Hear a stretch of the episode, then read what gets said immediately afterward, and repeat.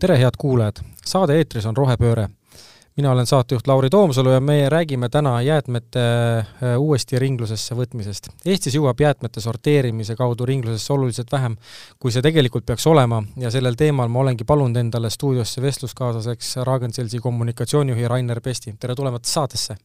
Tere tulemast! Äh, või siis õigemini tere taas, et me oleme sinuga siin juba äh, mitmendat ringi olulistel teemadel rääkimast, et äh, enne kui me sisusse läheme, ole hea, äkki sa aitad aru saada paarist mõistest, mida me täna siis antud valdkonnas tihti näeme ja loeme. et mis asi on taaskasutus ja mis asi on ringlus, et nendel on, kahel on oluline ju vahet teha, et kust jookseb vahe ja mida me peame silmas ühe või teise all jah, ajalooliselt äh, on just sellest räägitud taaskasutusest, aga taaskasutuse alla tegelikult läheb ka äh, jäätmetest energia tootmine. nii et äh, viimasel ajal üha rohkem on hakatud rääkima ringlusest ja selle tähtsusest ja ringlus siis tegelikult teisisõnu tähendab taaskasutamist materjalina. et jäätmeid me kasutame siis kahel viisil, et kas siis äh, taaskasutame neid energiana või taaskasutame neid äh, materjalina ja ringlus tähendabki siis taaskasutamist materjalina. kas neid mõisteid äh, täna kasutatakse Eestis pigem korrektselt või on ikkagi alati oluline korraks sisse vaadata, et mida siin kontekstis nüüd mõeldud on? kuidas selle hügieeniga on seal kasutuses hetkel? ringlus on pigem selline uus termin, mis on tulnud ja, ja väga korrektselt seda kasutatakse just seadusandluses, aga igapäevases keeles võib-olla pigem mitte, aga see polegi, ma arvan, niivõrd tähtis. no ringlust muidugi on võib-olla kummaline ka teistpidi mõista, kui ta, kui ta tegelikult oma sõnalt tähendab, et ringlus on ju ringlus, eks ju, aga ikkagi mingitel hetkedel võib-olla mõeldakse midagi muud, aga okei okay.. siin on, siin on nagu üks võib-olla selline oluline aspekt on see, et, et kui me räägime taaskasutusest kui äh, Äh, energia taaskasutusest, siis see tegelikult tähendab seda, et me võtame need materjalid või jäätmed tegelikult hoopis äh, ringlusest välja, et me põletame nad ära, et me ei anna neile seda võimalust, et nad saaksid äh, uuesti materjalina ringlusse minna mm. -hmm okei okay,, aga sisu juurde tulles, et ähm, kui me räägime täna jäätmete sorteerimisest ja nende uuesti ringlusesse saatmisest, siis mis täna Eestis jäätmetest saab, kui need meie kodude juurest näiteks ära veetakse, mis, mis sealt edasi saab, kuhu need lähevad? Sõltub see nüüd siis sellest, mis jäätmeid ära veetakse või et või, või kuidas see, kuidas, seal need äh, asjad edasi hakkavad juhtuma?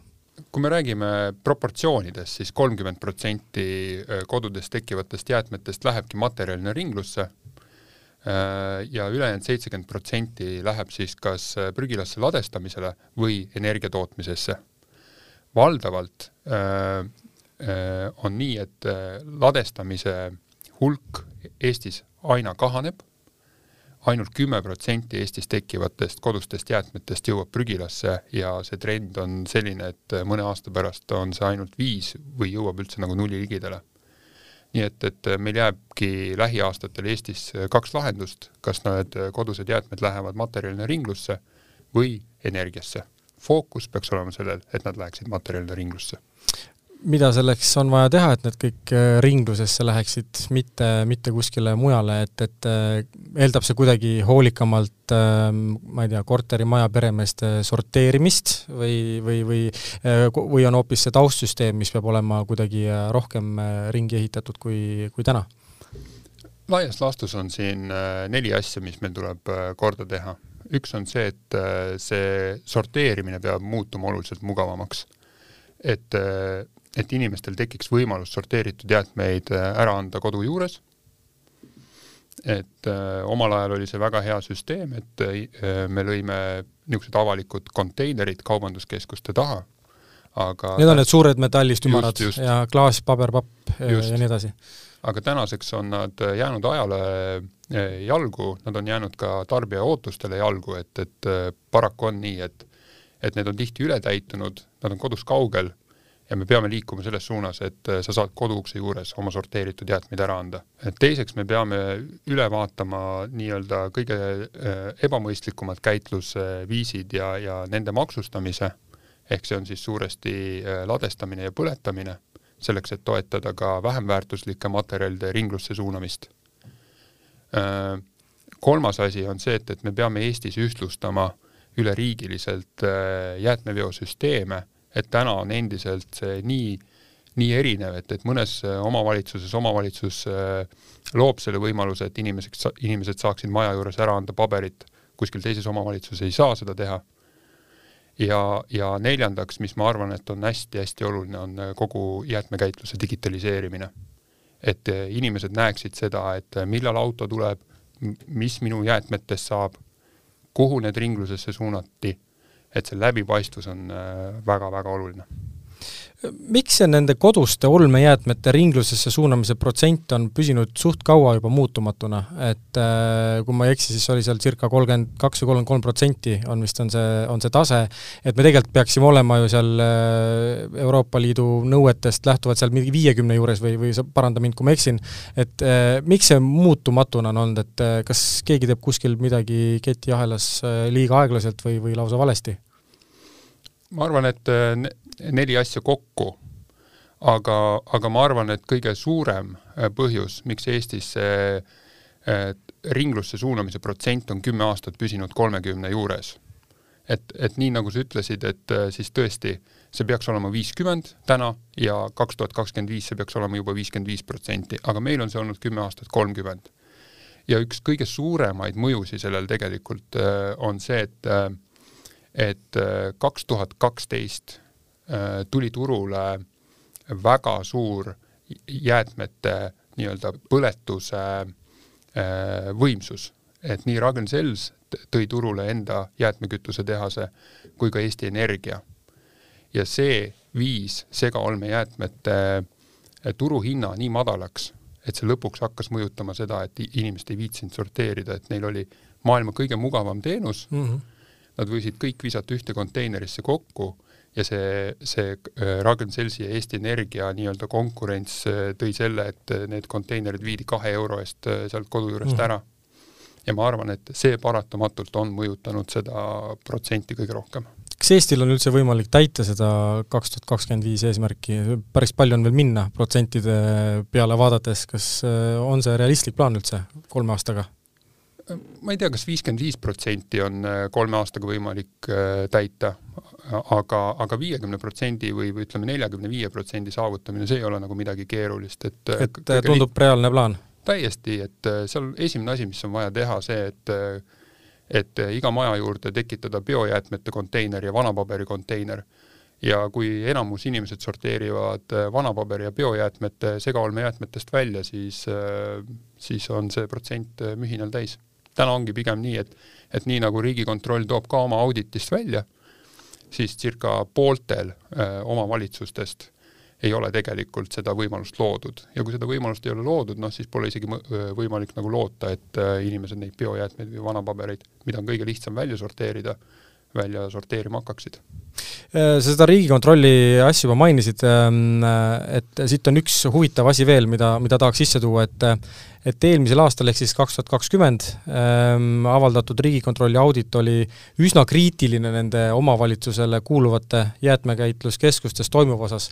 et äh, mis mängu seal mängitakse või et äh, see on see mingi hall ja hämar ala, kuhu tuleb kriitilisemalt sisse vaadata või et et mis seal, mis seal nendes prügilates või jäätmekeskustes toimub?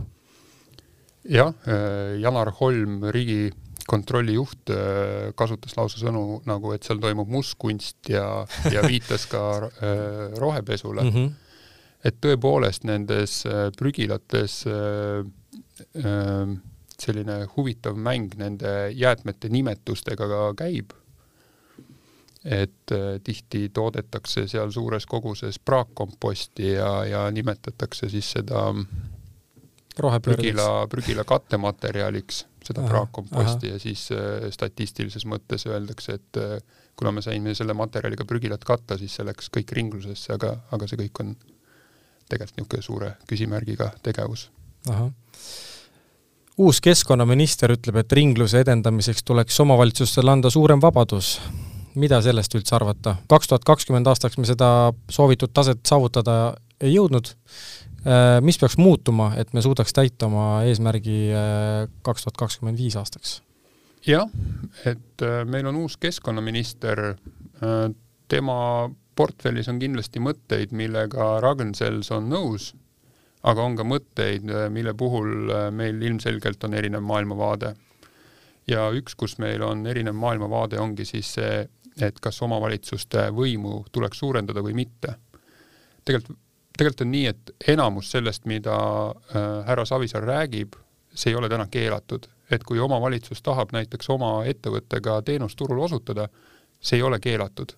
seda saab tegelikult täna teha juba? absoluutselt. Äh, mis on keelatud seadusega, on see, et sellele ettevõttele ei saa luua eeliseid mm. -hmm. sellele ettevõttele selle ettevõtte teenust ei saa omavalitsus äh, kunstlikus korras eelistada ja vahendada mm. -hmm. et kui me tõstame korraks selle teise konteksti, et äh, see, mida me tahaksime, mida nagu minister tahab teha, on see, et äh, omavalitsus võiks põhimõtteliselt öelda, et vot, et meie, meie territooriumil te ei saa enam Elisa, Telia või Tele2 teenust, vaid te ostate linna käest, me vahendame teie teenust ja me mm paneme siia raha vahele.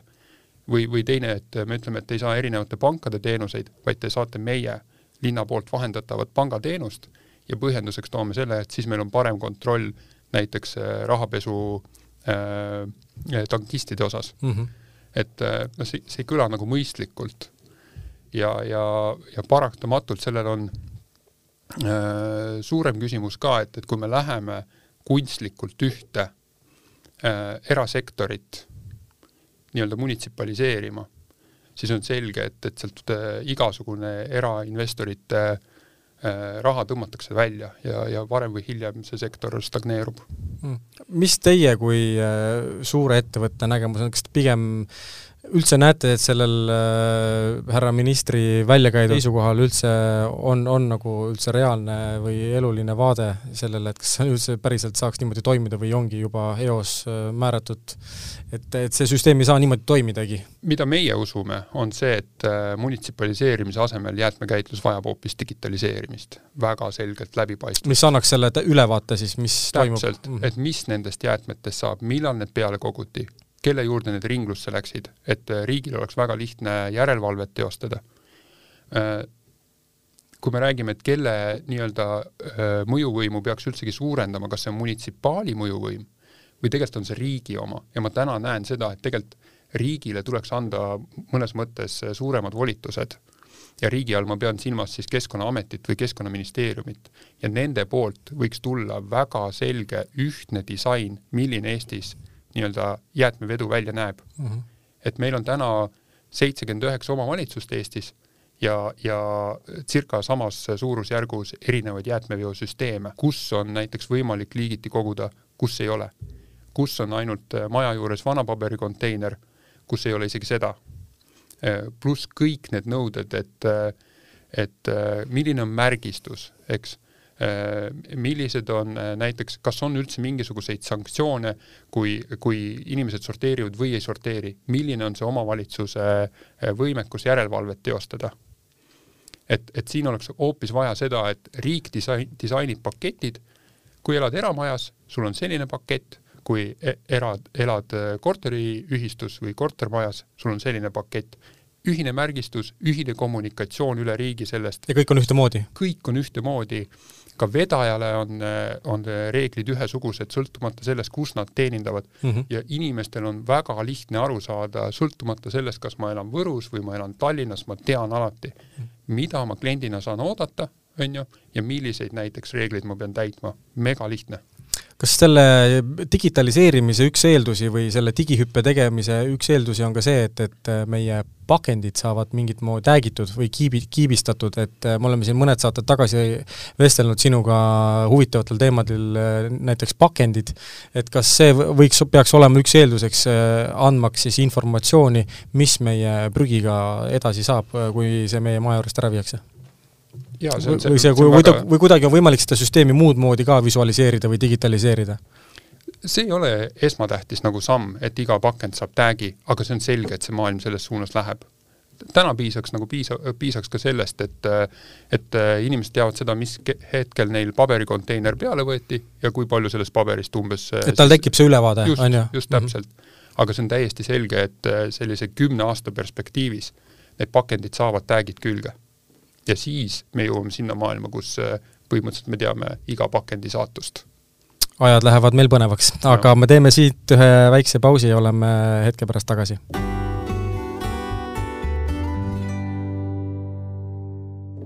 ja oleme pausilt tagasi ja lähme siit eh, põnevate teemadega edasi. et äh, tuleme korra selle jäätmete põletamise juurde korraks tagasi, me sellest saate alguses rääkisime, et äh,, et tänane jäätmete põletamine, sellest me saame toasooja peamiselt, on nii?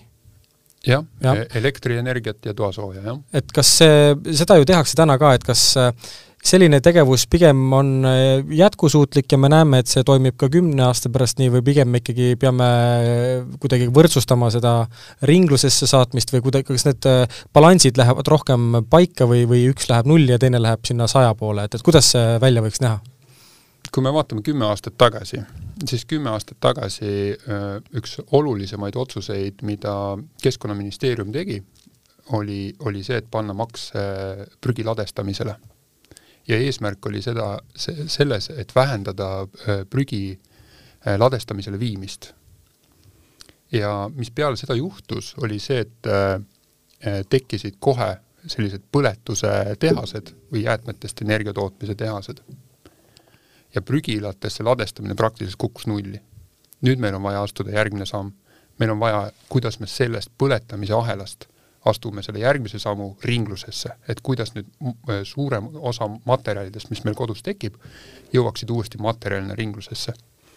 nii et äh, on täiesti selge, et äh, põletamine jääb ka viie, kuue, seitsme ja kümne aasta pärast.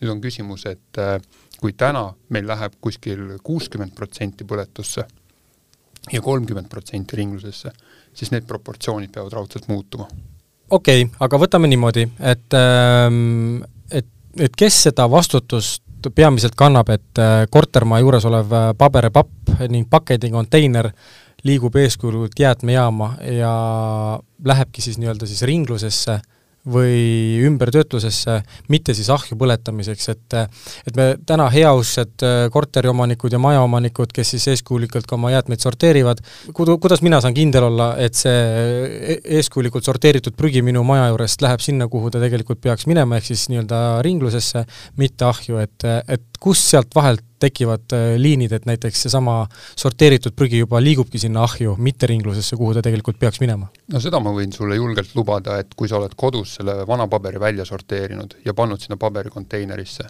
siis mitte keegi seda energiasse ei vii. et paber liigub sinna, kuhu ta peab minema? päris kindlasti, et kui see paber on visatud muude jäätmetega kokku sinna segaprügikonteinerisse mm, -hmm. siis tõesti seda praegu sealt keegi välja sikutama ei hakka ja see läheb kõik energiasse nii et aga kui see on eraldi sorteeritud, pandud vanapaberi konteinerisse, ma võin lubada, see läheb täna äh, siis äh, järelsorteerimisse ja sellest äh, üheksakümmend äh, pluss prossa läheb äh, uuesti materjalina ringlusse aga pakendikonteiner näiteks, kus on kõik pudelitest alates, lõpetades igasuguste toiduainete, karpidega ja nii edasi? Äh, võtame üldse lahti selle, et mis meil kodus tekib Äh, kõige suurem osa äh, massi poole pealt on biojäätmed, need moodustavad kolmkümmend kuni kolmkümmend massi all sa mõtled kaalu? kaalu, jah mm. -hmm. siis äh, circa kakskümmend protsenti kodus tekkivatest jäätmetest on vana paber, paber ja kartong. kuus protsenti klaas, kolm protsenti metall. see kokku on kuuskümmend, kuuskümmend viis protsenti kõigist kodus tekkivatest jäätmetest. ja need, kõik need jäätmeliigid, mis ma praegu nimetasin, biojäätmed, vana paber, klaas, metall, see on väga lihtsasti ringlusse suunatav. ja seda ka valdavalt tehakse, kui see on äh, eraldi sorteeritud. nüüd tõesti, see plasti pool, mida on kuskil kakskümmend protsenti kogu kodus tekkivatest äh, olmejäätmetest, seal on keerulisi materjale, aga need plastid jagunevad ka omakorda kaheks. on äh, äh, lihtsasti ringlusesse suunatavad plastid, igasugused pudelid äh,, pesukeemiapudelid, majoneesipudelid, äh, jogurtitopsid, see, see kõik on väga lihtsasti ringlusse suunatav materjal. aga on teine pool nendest plastidest, mis on keerulisem pool, on igasugused komposiidid, krõbisevad pakendid, eks, krõpsupakendid, äh, jäätisepaberid, äh, krõbisevad kilekotid, WC-paberi ümber olevad kilekotid. ja nendega on tõesti täna nii, et need valdavalt lähevad energiasse ja seal meil tuleb tegeleda toote disainiga, et, et kuidas need materjalid ka tulevikus rohkem läheksid ringlusse. kas komposiitmaterjalist, nagu sa nimetasid, näiteks jäätisepakend, kas selle koht on üldse pakendi konteineris? kui selle, kui sellega sellises äh, sihtotstarbelises tegevuses midagi justkui peale hakata ei saa peale energia tootmisesse suunamise? mina ütlen, et pange igal juhul pakendisse, et meil oleks äh, harjumus äh, sorteerida ja on täitsa selge, et teiselt poolt areneb tehnoloogia ja teiselt poolt areneb ka pakendi disain. et ühelt poolt meil tuleb järjest turule pakendeid, mis on ühekomponentsed, mida saab väga lihtsasti ringlusse suunata, ja teiselt poolt, mis täna Äh, on väga populaarne ja mis tehnoloogiad tulevad turule, on see nii-öelda äh, keemiline töötlemine, mis äh, annab võimaluse ka see, selliste materjalide jaoks, nagu need krõbisevad jäätisepaberid, et, et tegelikult need tagasi vähemalt siis õliks toota väga hea, et sa selle tehnoloogia aspekti sisse tõid, ähm, et, et, et see jaamas sorteerimine, üt-, võtame sellesama, selle pakendi konteineri, äh, sorteerivad äh, inimesed äh, liini peal, on nii? täna on see nii, jah. see on üsna energia- ja rahakulukas ja nii edasi, eks ju, et, et, et kas on varianti, et mingil hetkel teeb robot selle töö ära, näiteks ma ei tea, kümne-viieteist aasta pärast, et inimkäsi ei pea üldse sekkuma? Me mingite peame... kaalude ja mil, mis iganes, kuidas identifitseerida seda pakendid seal peal, et kas see on võimalik? me peame siin paar asja äh, väga selgelt lahti rääkima. seda maailma ei juhtu mitte kunagi, et äh, me viskame kõik asjad kokku, eks kõik biojäätmed, vanapaberid, plastid, kõik ühte konteinerisse ja siis tuleb kuskilt äh, imerobot ja sorteerib selle kõik uuesti puhasteks materjalideks mm -hmm. lahti, eks. Robotid aga tulevad aga see ikkagi eeldab seda, et inimesed on kodus väikese eelsorteerimise teinud. et meil on paber eelsorteeritud, meil on klaas eelsorteeritud ja nüüd robotid tulevad appi. robotid näiteks aitavad klaasi ära sorteerida erinevate värvide järgi. Äh, robotid saavad äh, teha seda, et nad suudavad äh, erinevad paberid üksteisest eraldada. kartongi, ajalehepaberi, läikiva paberi. ja nüüd, mis puudutab plaste, see on ka robotite jaoks täna päris keeruline maailm aga ka need robotid tulevad. et, et seal on erinevad tehnoloogiad, et on nii-öelda infrared ehk infrapuna, mis tuvastab erinevaid materjale, aga uued trendid on siis tehisintellektid. see on veel täna selline üsna, üsna kallis tehnoloogia, aga need tulevad ja, ja nii, nagu me ennem just rääkisime, et, et kui tegelikult pakendid saavad külge näiteks sellesama RFID tag'i, noh siis muutub ikka maailm äh, pöörde kardinaalselt pööraselt lihtsaks jah, et, et juba tegelikult sinna tag'i sisse on pandud see info, et mis materjalist see pakend on tehtud. ma ikkagi mõtlen, et äh, milline mass on poelettidel näiteks äh, kas või nendel samadel krõpsupakkidel ja jäätiseletis jäätistel, et äh, mille pärast nüüd, miks on ikka need veel täiesti sellises seisus, et, et selle, et selle üks ja ainus eesmärk on jõuda kuskile ahju. et jah, on, on mingid erandid, on mingid tooted, mis on läinud juba seda vajalikku teed nii-öelda, et, et selle pakendiga on tõepoolest tõepoolest midagi võimalik pärast ka edasi teha, aga tohutu mass on tegelikult toodetel veel alles, kus on tegelikult pakend on äh, sama, mis ta oli kümme, viisteist või kakskümmend aastat tagasi jah, et äh... mis, mis see põhjus kas me, kas see tootearendus on liialt kulukas, kallis või, või lihtsalt äh, ma ei tea, need ei pea vastu seal sellises tootesegmendis või mis, mis selle põhjus võiks olla? erinevad põhjused, aga üks, kui natuke nagu lihtsustada seda kõike, siis täna mõnes mõttes see see rohepööre oma kommunikatsioonis on natukene eespool kui tegelik seadusandlus. ja, ja me ei saa ka eh, kõike seda raskust panna tootjate süüks, et öelda, et nad ei taha. sest tootjatele on omakorda pandud väga selged eh, nõuded, mis puudutavad hügieeni, säilivust, kõike seda ja seal täna võib olla olukordi, kus meil ei olegi võimalik seda mingisuguse teise materjaliga asendada, asendada. Mm, -hmm. aga mida tootjad alati saavad teha, on seda, et küsida, et kui palju ma seda materjali enda pakendi ümber või toote ümber kasutan. et, et üks, üks pool on see, et kui me tõesti jõuame sinna, et me tänaste näiteks mingi veterinaaria või, või ma ei tea, mis iganes nõuetest lähtuvalt, me ei saa kasutada öö, paberit oma toote ümber siis mida me saame alati teha, on see, et viia see pakendi suurus äh, miinimumini, sest see juba vähendab tegelikult? noh, absoluutselt, see tähendab automaatselt näiteks kakskümmend, kakskümmend viis protsenti sul materjalikulu vähenemist. et me teame ka ise, et, et kui sa lähed poodi needsamad krõpsud, mis sa ütlesid, ega seal ju viiskümmend prossa sellest pakendist on ju õhk mm. -hmm. mõnel, mõne toote puhul isegi rohkem. jah aga Rainer, võtame saate otsad kokku, et äh, ma küsiks siia lõppu veel, et millised võiks olla kokkuvõtteks need paar-kolm lahendust, mis meil äh, täna seda olukorda muudaks ja et me ikkagi kaks tuhat kakskümmend viis oleksime rõõmsad ja õnnelikud ja et äh, oleme oma eesmärgile kas väga-väga äh, lähedal või, või siis sootuks eesmärgid on meil täidetud?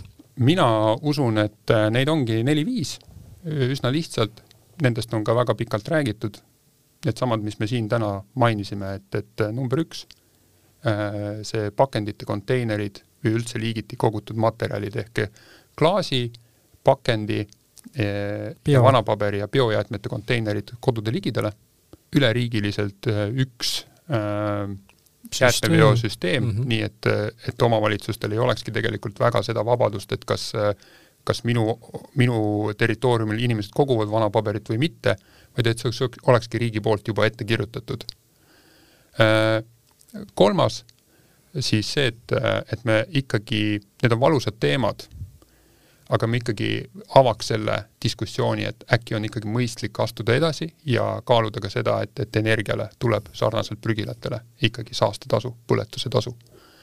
ja, ja neljas, nii nagu ma ütlesin, äh, ma väga tahaks, et et jäätmekäitlus oleks sama digitaliseeritud, kui seda on pangandus, kui seda on äh, üldse nagu näiteks finantssektor või telekommunikatsioon, et et siis hakkavad ägedad asjad juhtuma, et inimesed äh, avavad äh, kas Ragn-Sellsi äpi, et äh, vaatavad, et äh, kui palju nad on CO2 kokku hoidnud, kui palju nad on vett kokku hoidnud, mis tema materjalidest on saanud, eks, ja, ja nii edasi. aga kas siin on meil vaja natukene riigiga koostööd teha, et meil on vaja teatud standardid kokku leppida, et mitte nii, et iga vedaja hakkab mingisugust oma oma äri ajama. oma, oma mingeid digitaalseid platvorme nagu arendama. no lõpuks on vist jah, ilmselt ongi see, et on, meil on mingi platvormide üleküllus ja igas omavalitsuses on mingid omad reeglid ja tegelikult ühtne süsteem, see tõukab meid sellest ühtsest süsteemist veel kaugemale. et, et olukord, mida tegelikult me peaksime Eestis vältima aga saade oli Rohepööre, aitäh sulle, Rainer, saatesse tulemast, olid taas kord põnevad teemad ja loodetavasti kohtume sinuga jälle äh, uue aasta alguses äh, uutel teemadel ja aitäh kõikidele kuulajatele samuti, et äh, otsige meid üles Spotify'st, Apple podcast'ist või Delfi taskust ja hakake jälgijaks ja nii jõuavad uued saated esimeste teieni. Aitäh ja kuulmiseni!